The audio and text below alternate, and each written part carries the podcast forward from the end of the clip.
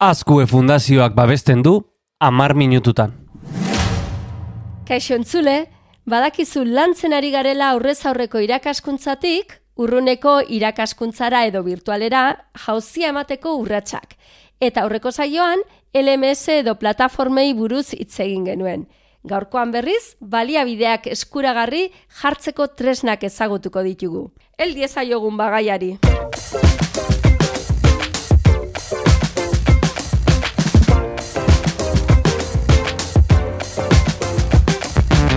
Maite goni naiz, eta hau amar minututan da, hezkuntza eta teknologia, hau da teknopedagogia, uztartzen dituen podcasta.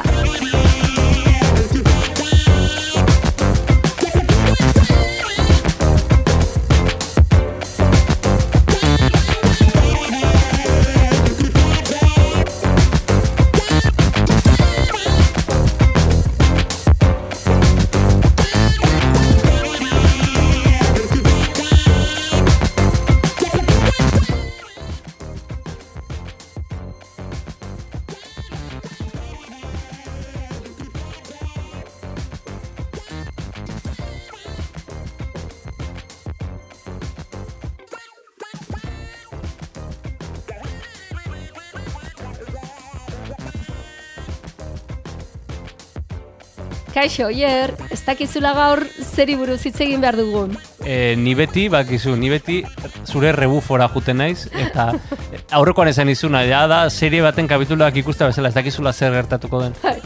Ba, gaur e, hitz egingo dugu baliabidei buruz, ez? E, lehenengo gauza egin behar duguna irakasleok, e, ba, onelako egoera batean, edo pandemia garaian, edo bestela ere, eh?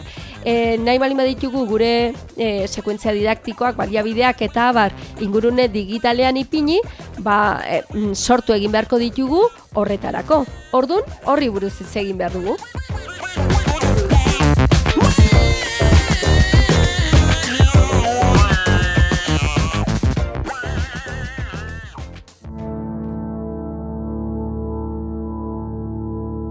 Ea ulertzen dudan, e, esaten duzuna da, e, testu liburuetan edo e, ukitzen genuen hori e, digitalizatzea edo digitalean ematea? Bai, bueno, gutxi gora bera horretaz ari gea, ez? E, kontua da, behin plataforma bat izan da, aurrekoan komentatu genuen hoietatik bat hautatuta, plataforma horretara modu ezberdinetara igo ditzakegula baliabideak. Ordun e, ipin dezakegu baliabide bat solte, adibidez e, balin badaukagu PowerPoint bat edo edo zein diapositiba aurkezpen edo bideo bat edo horrelako zerbait solte baliabidera igo dezakegu. Baina bigarren aukera izango itzateke ja gorpuztuta testu inguruan alegia sekuentzia didaktiko oso bat onlinera edo modu virtualean garatzea.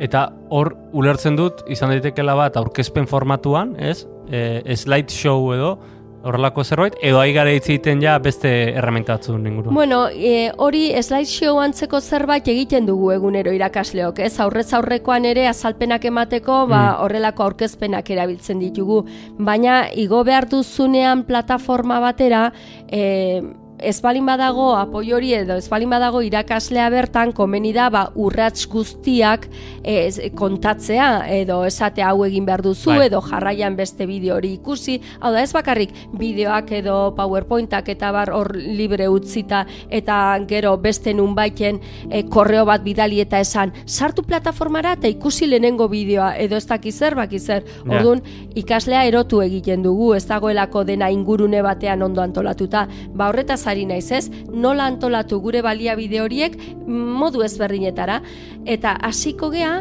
modu errazenetik aukera batzuk emango ditugu.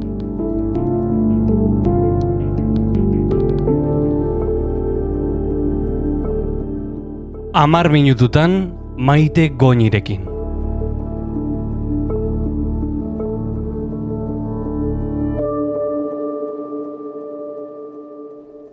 Aukera ezberdinak ditugu, bat erra zerraza izango litzateke. Guk lehenengo pentsatu behar dugu zein e, segida izango duten jarduerak eman behar dizkiegun jarduerak bat estu liburu batean azaltzen diren bezala ez? Horri deitzen zaio ba, mhm. sekuentzia didaktikoa eta segida horretan pauso batuk e, egoten dira beti, adibidez izan liteke, ba, aurrezagutzak aktibatzea ikaslenak, gero eman hainbat baliabide beraiek bere kasia aztertzeko, gero guk eman azalpen batzuk, bideoan, eta abar, eta gero eskatu zerbait egin dezaten, eta gero ja, horren gaineko osnarketa. Hori izango litzateke, sekuentzia didaktiko baten urratsak. Ba, urrats horiek emateko, bertan sartzen diran baliabide bakoitzarekin, modu erraz erraz bat da, e, dokumentu batean, online dagoen, odeian dagoen dokumentu batean, ba izan liteke Google Docs bat, edo izan liteke beste dozein, baino tankera horretakoa esan nahi dut,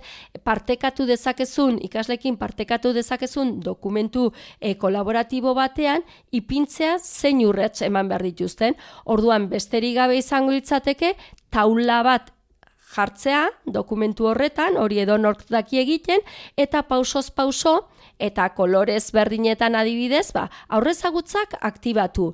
Eta hor, aurrezagutzak aktibatzeko zer egin behar duten kontatu, labur-labur esaldi batzuetan mhm. ipini, eta gero, ba, egin behar duten horren esteka ipini, edo irudia, edo bideoa, edo horrelako zerbait. Eta horrela, pauso guztiekin. Beraz, digitalizatzeko modu erraz-erraz bat, sekuentzia bat, izan liteke, dokumentu normal batean, sartzea, bueno, bueno, dokumentu, odeian dagoen dokumentu batean, estekak, bideoak eta bar, baino modu antolatuan eta narrazioarekin, hau da, kontatuta ikasleari, pausoz pauso, zer egin behar duen.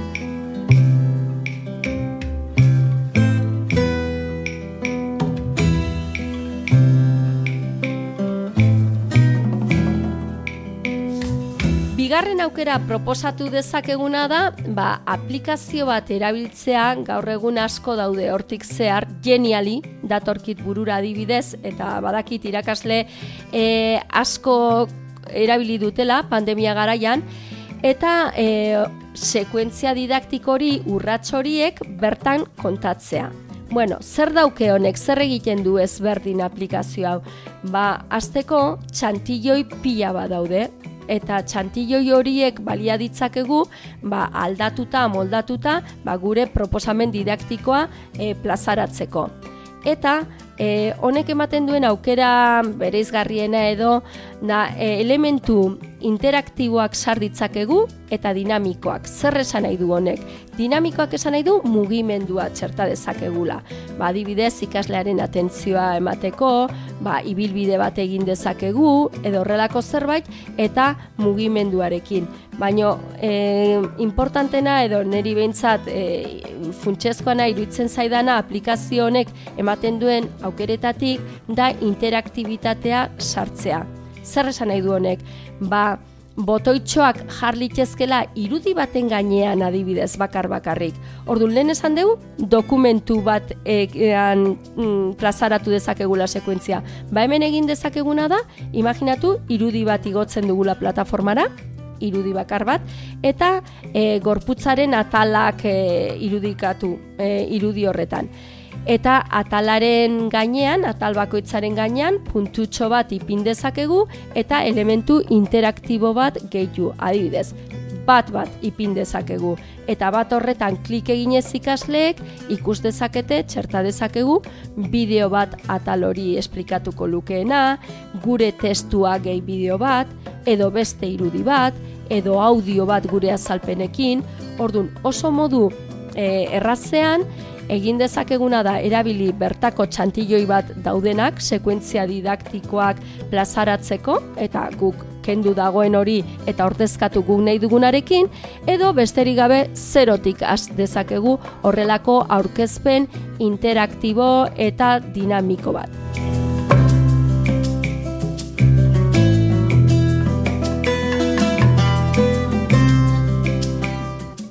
Proposamen bat izan liteke Simbalu Lessons delakoa. Simbalo aplikazioa ere nahiko ezaguna da irakasleen artean. Baina badago erabilera bat ez dena hain ezaguna eta da ba, e, lezioak edo sortzeko aukera ematen duela. E, ba, sortu lezio bat, aukera horretan ematen baldin badugu klik, e, emango digu aukera sortzeko ikaslentzat nahi bali dugu gainera pertsonalizatuta, ikasle talde batentzat edo beste batzuentzat edo e, baliabide gehiago behar ditutzen ez da e, modu batera egin ibilbidea eta bar. Eta nola irudikatu behar dugu hori? Ba, irudikatu behar dugu plataforma horretan laukitxo batzuk daudela. Laukitxo horiek ematen dute e, jarraipen bat, ez? Ba, lehenengo, ba, lehenengo laukitxotik bigarrenera pasatzen zera, geruru garrenera automatikoki, orduan ikasleak ez du ezer egin behar. Eta irakasleak zer egiten du horrekin? Ba, lehenengo laukitxoan, eman dezaken bere azalpena, ba, kaixo ikasle, e, hemen ikusi aurrezagutzak aktibatuko ditugu edo jakingo dugu mm nahi dut jakin zer dakizun gai konkretu honen inguruan, eta ordun hasteko ba, e, erantzun galdera honi, eta erantzun bat plazara dezakezu. Bigarren laukitxoan, eta orain e, sakondo egingo dugu pixka bat, eta bideo bat, interneteko bideo bat, igo dezakezu, bueno, linka jarri. Hirugarren urratsa ba izan liteke zure bideo bat azalpenak ematen. Honi buruz urrengo batean hitz egingo dugu. Nola iris gaitezken puntu honetara guk geuk sortu gure azalpen bideoak eta bar. Baina bueno, e, esaten ari garena pausoz pauso lezio bat e, urratsez urrats egiteko aukera ematen digula sinbalu lesonsonek.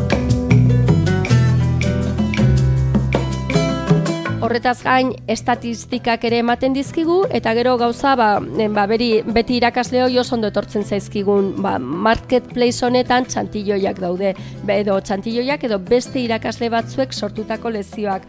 Orduan bai inspiratzeko edo bai horiek e, guk geuk erabiltzeko aukera dago.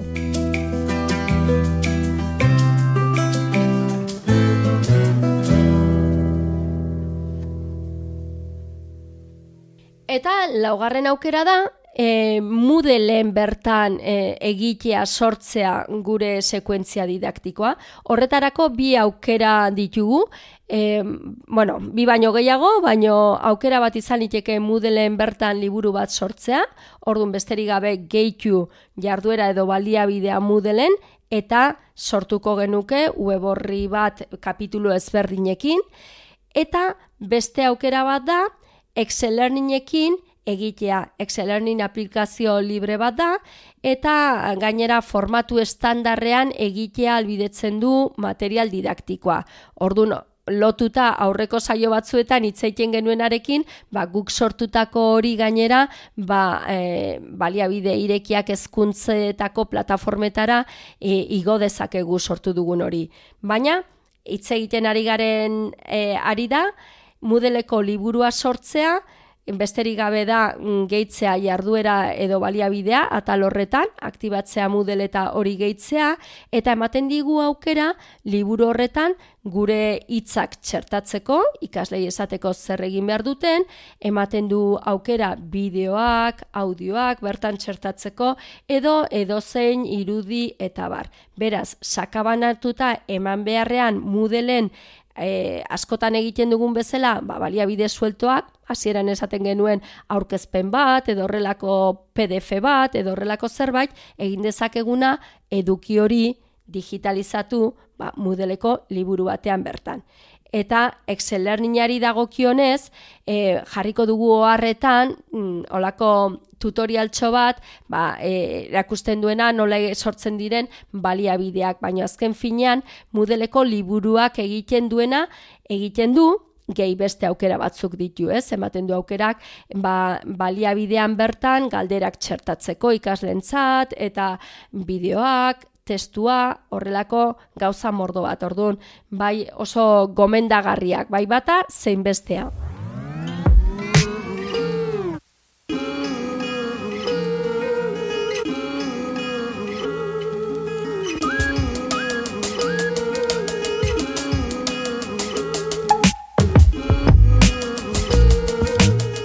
Hauek izan dira gure lau proposamenak, baino asko ere gehiago daude eta gainera seguru entzuten ari zaretenok badituzuela, ba, probatu dituzuela beste aukera batzuk, ez? San lasai eta joango gara beste batzuetan komentatzen.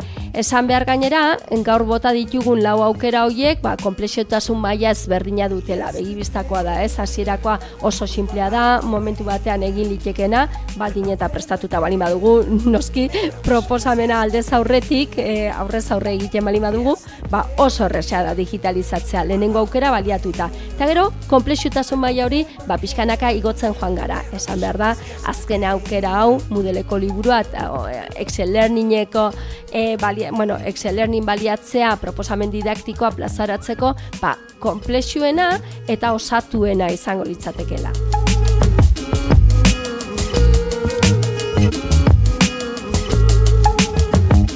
Oier, gaur zuri eskatu behar dizut bukatzeko programa. Nun gaude, eh?